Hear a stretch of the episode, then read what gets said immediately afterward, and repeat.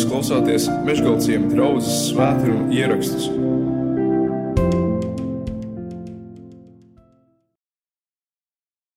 Es gribu nolasīt vēlreiz tikai vienu pantu no jau nolasītās rakstu vietas Lūkas evaņģēlijas 17. nodaļa un 32. pāns, tikai trīs vārdi - pieminiet lata sievu.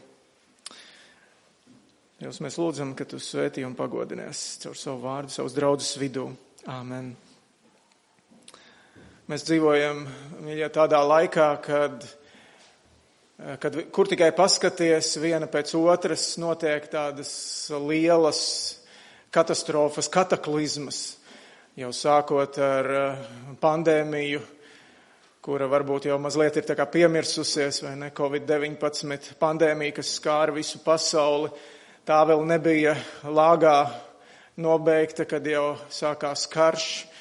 Un, uh, un tāpat tās visas šīs uh, ģeopolitiskās pārvērtības, kur vairs pasaule nav prognozējama, vai ne, spēku samēri uh, pārvietojās un pasaule griežās kā tāda disbalansēta bumba. Plus tam visam vēl fonā ir visu laiku arī tās klimata lietas, ne, sausums pārlieku vai vai slapjums un, un vētras pārlieku. Tie ir visi tādi lieli, lieli notikumi, uh, un tie ir, varētu teikt, visas pasaules uzmanības centrā, jo tas skar mūs visus. Ne? Tas skar visu planētu, bieži vien. Un varētu teikt tā, kā kāds evaņģēlists uh, teica, uh, ka vislabāk ir sludināt Dieva vārdu, tad, ja tev vienā rokā ir bībele, bet otrā avīze. Un man liekas, ka šis ir tāds laiks, kad, kad mēs, kā draudzi, to varam darīt, vai ne? Parādīt, redziet, bībele, vai ne, un bībeles pravietojumi, vēstījumi, un šeit ir tas, kas notiek šodien, vai ne? Kaut kas, kaut kādā tādā laikā mēs dzīvojam. Jūdi savā laikā arī meklēja un gaidīja tādu lielu globālu pārmaiņu, globālu notikumu ka nāks viņu mesija, nāks viņu glābējs, pestītājs, dieva dēls, dieva sūtītais. Viņš cels to dieva valstību. Sāksies tas jūdu tautas, izredzētās tautas zelta laikmets. Un tāpēc tas jautājums, ko šeit uh, farizēji uzdod Jēzum, ir ļoti loģisks. Jēzus saka, ka viņš ir ķēniņš. Un Jēzus šajā brīdī atrodas ceļā uz Jeruzālemi. Kopš Lūkas evaņģēlija 9. nodaļas vidus apmēram uh, viņš ir ceļā uz Jeruzālemi. Tur rakstīts, ka viņš pagriež savu vaigu, lai dotos uz Jeruzālemi. Viņš zina, kas viņu tur sagaida. Un, uh, ja mēs šķirtu vēl drusku uz priekšu, tad kaut kur 19. nodaļā viņš jau ierastos uh, Jeruzālēmē. Tā kā viņš jau ir tuvu galvaspilsētai. Un tāpēc tas jautājums, kad tad nāks tava valstība, tas ir ļoti loģisks jautājums, ko viņi uzdod. Bet Jēzus šiem cilvēkiem, šiem farizējiem, šiem jautātājiem atbild ļoti īsi. Dažos teikumos Dieva valstība nenāk ārīgi redzamā veidā. Nevarēs arī sacīt, redzi, šai viņa ir vai tur, jo redziet, Dieva valstība ir jūsu vidū. Dieva valstība nebūs ārēji novērojama. Tu nevari paņemt viņu un nolikt zem mikroskopa uh, un izpētīt. Tu nevari viņu varbūt paņemt, ielikt mēģinē un aprakstīt ja, no visām pusēm. Pat Jēzus, tad, kad viņš stāsta par debesu valstību, līdzības, ļoti daudzas līdzības par debesu valstību, viņš stāsta, viņš saka, ka debesu valstība ir līdzīga. Tā ir tā kā, it kā, ja, uh, mācot par debesu valstību. Nebūs Eh, tās, tas, ko jūs varbūt gaidāt, eh, fanfāras, nebūs karogu, nebūs apvērsumu. Dieva valstība, mīļie farizēji, kas stāvat manā priekšā, Jēzus saka, Dieva valstība jau ir šeit. Jānis Kristītājs, kad nāca Dieva sūtīts, tā bija viņa vēsts. Atgriezieties no grēkiem. Dieva valstība ir tuvu klāt pienākusi. Pēc mirkļa nāk arī Jēzus, un viņa, viņa vēsts ir identiska. Atgriezieties no grēkiem, Dieva valstība ir klāt. Nav jēgas farizējiem stāstīt par kaut kādu nākotni vēl tālāk uz priekšu, ja viņi neredz šodienu to, kas stāv viņu priekšā. Vispirms katram cilvēkam ir jāpiedzīvo Jēzus pirmā atnākšana. Un tikai tad viņam tiek atklāts kaut kas tālāk. Jo šī atbilde, kā jau es teicu, farizējiem ir ļoti īsa. Pāris teikumi un tas ir viss. Un tad, kad farizēja aiziet, Jēzus turpina šo. Un to no 22. pantiņa tālāk uz priekšu viņš jau saka mācekļiem. Un šī atbilde ir daudz garāka. Un tā atbilde ir daudz izsmeļošāka. Protams, Dieva valstība nāks. Protams, Dieva valstība nāks, bet Jēzus nosaka tādas divas, divas pazīmes, kas viņa nākšanai būs. Pirmkārt, tā, tā būs nepārprotama. Tā nebūs kaut kāda apslēpta nākšana, tā būs nepārprotama. Viņš saka, 24. pāns šķiet kā zibens, kā zibens zibeņodams no vienas debes malas līdz otrai debes malai, tāda būs uh, mana atnākšana. Tā nebūs apslēpta, tā nebūs kaut kāda garīga Kristus atnākšana, par kuru neviens, uh, kur, kur neviens pat nepamanīs. Tā būs īsta, tā būs reāla. Taču Un te ir tā otra lieta, ko Jēzus uzsver šajā uh, atbildē, un tas ir mācekļiem, viņš to saka. Ka lielākajai daļai mūsu līdzcilvēku tā būs pēkšņa un tā būs negaidīta. Un to Jēzus ilustrē ar diviem piemēriem no vecās derības. Un šie piemēri arī runā par uh, divām sava laika globālām katastrofām. Viņš min piemēru par No un par Latu, par grēku plūdiem un par Sodomas un Gomoras iznīcināšanu. Šo pilsētu ārkārtīgi lielās seksuālās izvērtības, netiklības dēļ. Pirms grēku plūdiem Dievs vēroja zemi, zemi, kuru viņš bija radījis. To, par kuru radīšanā viņš atskatījās uz visu padarīto un teica, tas viss ir ļoti, ļoti labs. Un tagad Dievs skatās uz šo zemi un redz, kā grēks, kurš ēdenes dārzā ienāca pirmo cilvēku dzīvēs, kā tas grēks visu ir samaitājis. Kā tas grēks visu ir sabojājis un turpina bojāt, turpina maitāt. Kurš ir vainīgs? Pie tā, ka Dieva lieliskais darbs tiek samaitāts. Kurš ir vainīgs? Kurš ir atbildīgs? Bībeles sākumā pirmā mūzes grāmata, sestā nodaļa, 12. pāns runā par to, ko es tikko teicu, un skatīja Dievs to zemi un redzi, tā bija samaitāta, jo ik viena radība savu ceļu samaitāja uz zemes. Radība savu ceļu, savas gaitas samaitāja. Un sodam ir jānāk.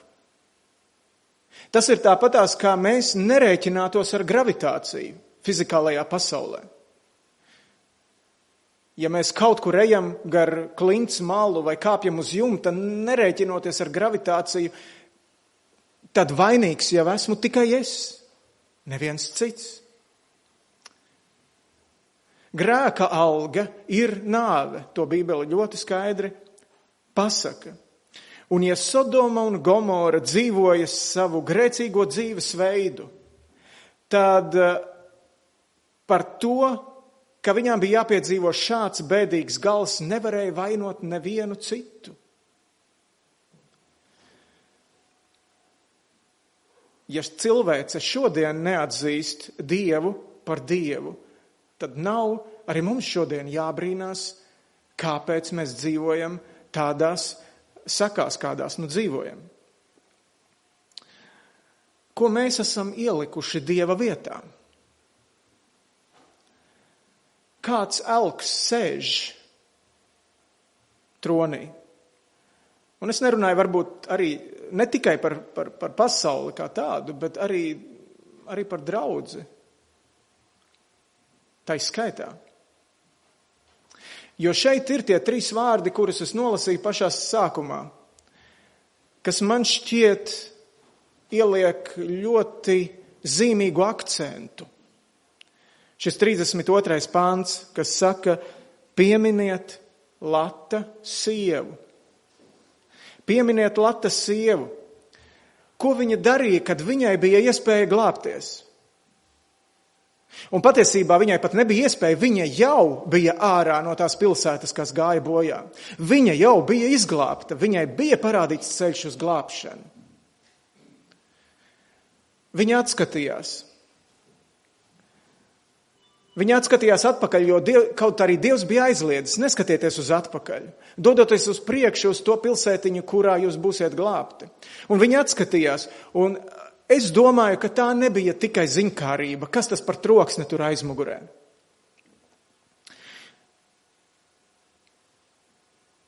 Tas varēja būt žēlums par to, kas tur palika aizmugurē. Tur taču palika viņas māja, tur palika viņas īpašums, tur palika viņas dārziņš, tur palika viņas siltumnīca ar gurķiem un tomātiem, kas tagad sāk ienākties. Jūs saprotat to domu? Ja? Tur paliek kaut kas, kāda daļa no viņas. Un viņa atskatās un paliek par sāls stabu. Jēzus turpretī saka šeit, viņš saka, esi gatavs. Ja kāds tai dienā Manas nākšanas dienā atrodas uz jumta, bet viņa lietas ir istabā. Tas, lai nekāp zemē, tas paņemtu. Un ja kāds atrodas laukā, lai negriežas atpakaļ. Tas ir strauji, tas ir steidzami. Kā zibens no vienas zemes gala līdz otram. Ko tu zibens zipsnīšanas brīdī vari paspēt vēl izdarīt? Ko tu zibens zipšan, zibināšanas brīdī vari vēl uh, paķert, saglābt? Neskaties atpakaļ lai tava sirds nav tur piesieta. Neļauj mantai ieņemt dievu vietu. Jo ļaunuma sakna Bībeles saka ir mantas kārība. To saka Pāvils savam, rakstot savam eh, jaunajam māceklim Timotejam. Un Timotejs ir kristietis. Timotejs ir draudzes gans. Un viņš saka, atgādini to draudzēji. Ļaunuma sakne ir mantas kārība. Lata sieva jau bija izglābta. Un tomēr kaut kas viņai lika skatīties atpakaļ.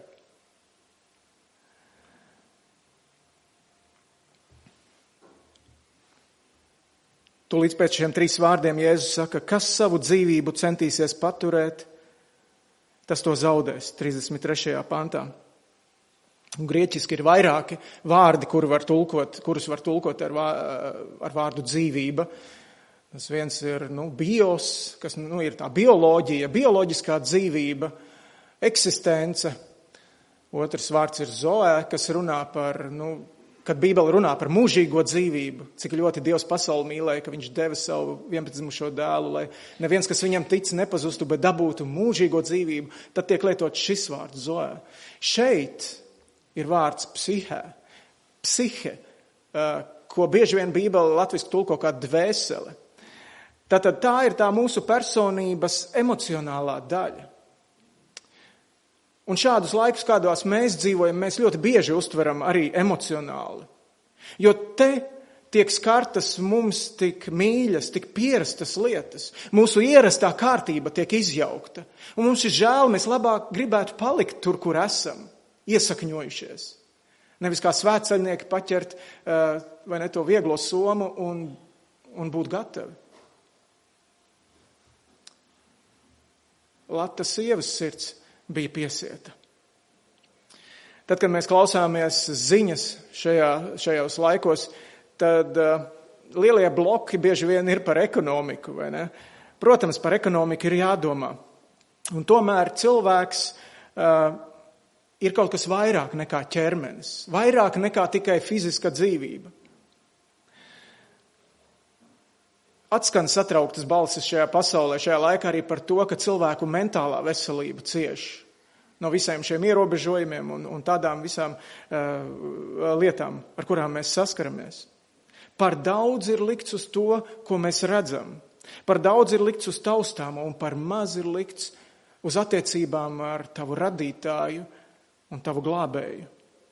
Par maz ir šīs svešniecības sajūtas, kuru arī piemin Bībeli, ka mēs šeit esam tikai caurgājēji, caurstaigātāji. Pārāk neiesakņojies šeit. Tā labā ziņa ir, ka visās šajās Bībeles pieminētajās katastrofās Dievs ir sagatavojis glābšanas ceļu.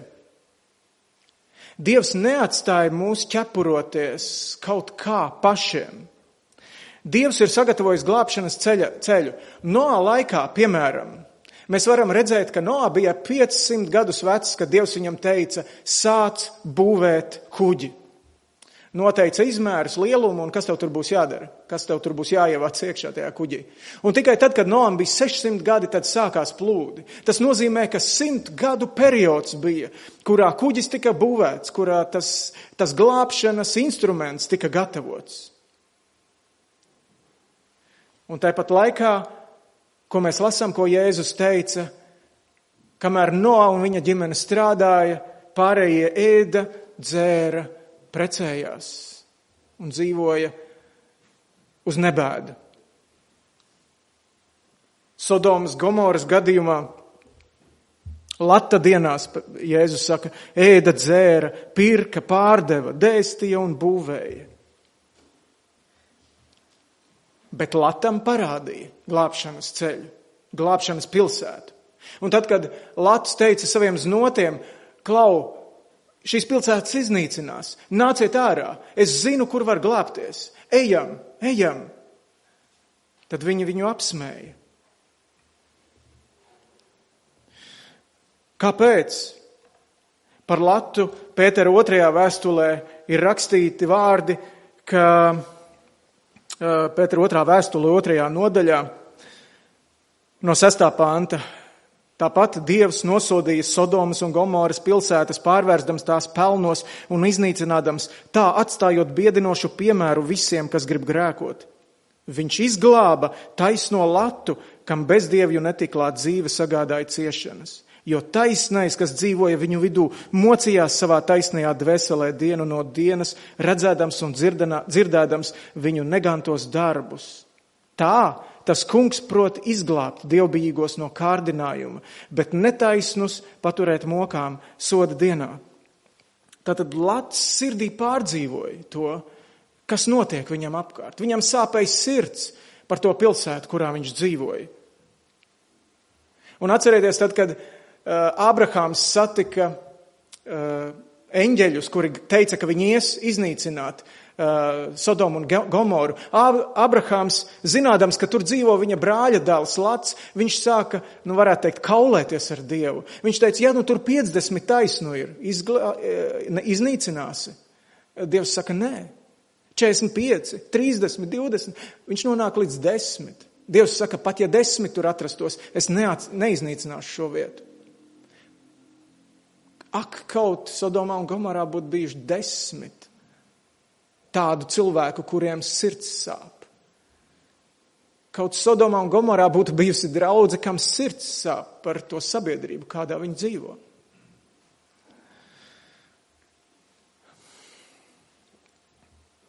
Dievs ir žēlīgs. Viņš ir žēlīgs vēl joprojām, un viņš joprojām eh, glābšanas ceļu ir sagatavojis. Vēl joprojām tās durvis ir atvērtas. Iespējams, ka mēs dzīvojam tajā laikā, ko Bībele sauc par dzemdību sāpēm, kad ne top kaut kas jauns. Bet Dievs apsola un Dievs nodrošina glābšanu. Atklāsmes grāmatā, trešajā nodaļā, kur ir eh, virkne ar vēstulēm, tad trešajā nodaļā ir vēstule Filadelfijas draudzēji, un uh, tur augšām celtais Jēzus saka šai draudzēji desmitajā pantā, tāpēc, ka tu esi turējis manu pacietības mācību, es tevi sargāšu pārbaudīšanas stundā, kas nāks pār visu pasauli, pārbaudīt tos, kas dzīvo virs zemes. Es tevi sargāšu. Tev būs glābšana.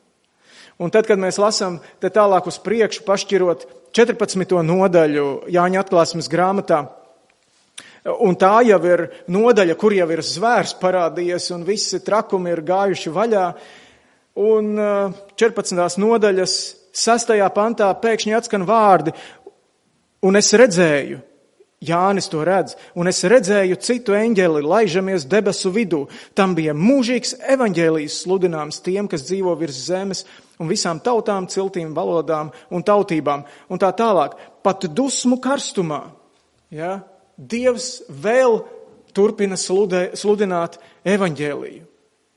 Redziet, tie, kas Dieva valstībai nākot, netiks glābti nevarēs par to vainot Dievu. Ka viņš ir apslēpis, apslēpis glābšanas ceļu, ka viņš ir aizvēris durvis un es neesmu varējis tikt iekšā tajā šķirstā, ka man nebija laika. Vienkārši tas laiks nebūs izmantots. Nebūs izmantots laiks, kad piesaukt Dievu, kad nožēlot grēkus, kad atgriezties, jo tāds brīdis pienāks, kad reiz būs par vēlu. Kāds vācu mācītājs Teo Lēmans stāstīja tādu līdzību no savas dzīves, ka viņš reiz bija zvanījis savam tēvam. Un tā līnija man šķiet bija, es precīzi detaļās neatceros, bet viņa bija bojāta. Un uh, tēvs tā kā dzirdēja, es saprotu to, ko viņš, to sarunu. Tēvs dzirdēja visu, bet viņš nedzirdēja pretī, ko tēvs atbildi. Un tajā brīdī viņš teica, es pēkšņi sapratu, ko nozīmē elle. Kad tu sauc, ka tev vajadzība ir no tava tēva kaut ko, vai ne? Un tev ir mūžīgs klusums no Dieva pretī. Jo ir pavēlu, ir kaut kādas attie, eh, nu, attiecības, tas sakars ir bojāts.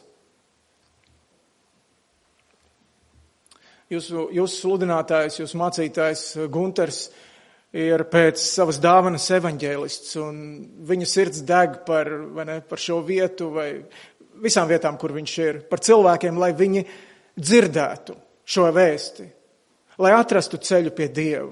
Un tāpēc viņš iet ārā un ne, tajā virzienā meklē. Es esmu pēc savas dāvanas vairāk uh, gans, gana tips. Un tāpēc manas, mana uzmanība bieži vien ir vairāk uz draudzi, uz tiem cilvēkiem, kuri jau ir ganāmpulkā. Un tad man ir tas jautājums, cik varbūt manā draudzē vai cik priekulis draudzē ir tādu lata sievu, kur ar vienu kāju jau ir ārā no sodības, kur ir, ne, glābšanas vēsti dzirdējuši un devušies ārā, un tomēr, un tomēr kaut kas ir tāds, ka tu skaties atpakaļ. Varbūt tu šeit tāds esi, kurš esi glābts. Un tāpat laikā skaties atpakaļ. Pēc šī dievkalpojuma man nav tik steidzams laiks, ka es skrietu projām. Es būtu gatavs arī ar tevi lūgt Dievu par to un parunāt. Nāc, mēs lūgsim. Un atjaunosim to skatu uz Dievu pusi, jo kā mācītājs Tervits pirms brīža lasīju, viņš teica, tie, kas atrodas uz šaurā ceļa ar vaigu pret mērķi, nevis kaut kur citur, uz kaut kādām citām sev dārgām lietām, bet ar vaigu uz mērķi, tie ilgojās. Tiešām nāca kungs Jēzu. Lūksim Dievu.